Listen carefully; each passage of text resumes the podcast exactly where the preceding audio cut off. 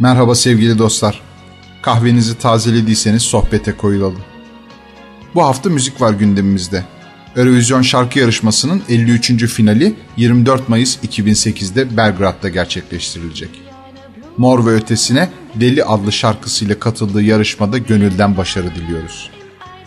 Gelin Eurovision'un nerelerden geçerek bugünlere ulaştığına beraberce göz atalım. Eurovision efsanesi 1955'te dönemin popüler şarkı yarışması Sanremo Müzik Festivali'nden ilham alınarak doğmuş. Fikrin doğduğu toplantı İsviçre'de yapılmış ve Avrupa ülkelerinin müzikal alanda yarışacağı bir yarışma düzenlenmesine karar verilmiş. Eurovision adı altında bir şarkı yarışmasının yapılacağı bütün Avrupa gazetelerinde ilan edilmiş. Bir İngiliz gazeteci tarafından bulunan ilk isim de bir hayli çarpıcı olmuş. Eurovision Grand Prix. İlk yarışma 1956'da yapılmış. Avrupa'nın 7 ülkesinden gelen katılımcılar en fazla 2 şarkı seslendirebilmişler bu yarışmada. Şarkı süreleri ise 3,5 dakikayı aşamıyormuş. İlk yarışmayı İsviçre kazanmış.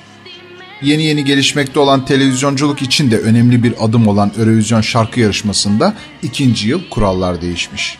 Her ülke sadece tek bir şarkıyla katılmış bu kez Eurovision'a. 1957'nin birincilik ödülü ise Hollanda'nın olmuş.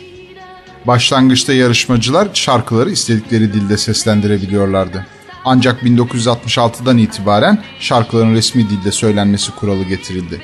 Bu değişikliğin ardından gelen ilk yarışmayı kazanan Avusturyalı Udo Jürgens Fransızca teşekkür etti ve Eurovision tarihinde ilginç bir anekdot olarak yerini aldı.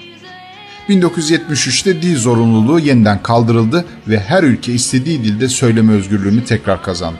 Bu kez kazanan Lüksemburg adına yarışan Anne-Marie David oldu o ünlü Tu te reconnaîtra isimli şarkısıyla. Bu şarkıyı Göreceksin Kendini adıyla Nülüfer'in sesinden hemen hatırlamışsınızdır eminim. Bir yıl sonra Eurovision'da yıldızı parlayanlar arasına İsveçli bir grup katıldı ve ABBA yıllarca sürecek ününü Waterloo adlı şarkısıyla perçinledi. 1975 Türkiye'nin ilk kez Eurovision şarkı yarışmasına katıldığı yıl olarak akıllarımızda kalacaktı. Semiha Yankı hepimizi ekran başına kilitledi. Ancak sadece 3 puan alarak 19. olabildi. Hollanda ise zil sesleriyle birinci oldu o sene. Ding Dinge Dong. 1980'de ilk defa bir Afrika ülkesi Fas Eurovision'a katıldı. O yılın yıldızı ise What's Another Year'la İrlanda'yı birincilik kazandıran Johnny Logan oldu.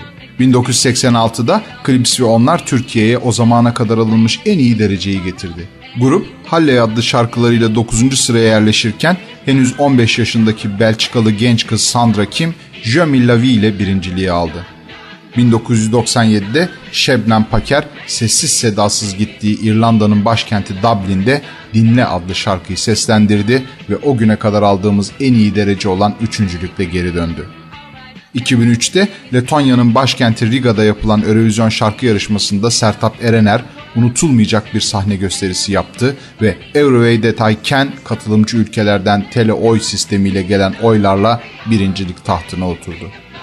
Yıllarca heyecanla ekranların başına kilitlendiğimiz, çoğunlukla sonuçlardan dolayı hüzünlendiğimiz, hüzünlerin etkisiyle gün gelip unuttuğumuz Eurovision Sertap Erener'le tekrar gündemimize girmiş oldu böylece. Arkasından Athena İstanbul'daki yarışmada For Real'la üçüncülüğe uzandı ve Eurovision keyfimizi tam anlamıyla yerine getirdi. Eurovision'un hikayesi kısaca böyle işte. Bir dahaki buluşmamıza kadar kahveniz sıcak, sohbetiniz koyu olsun. Sevgiyle kalın.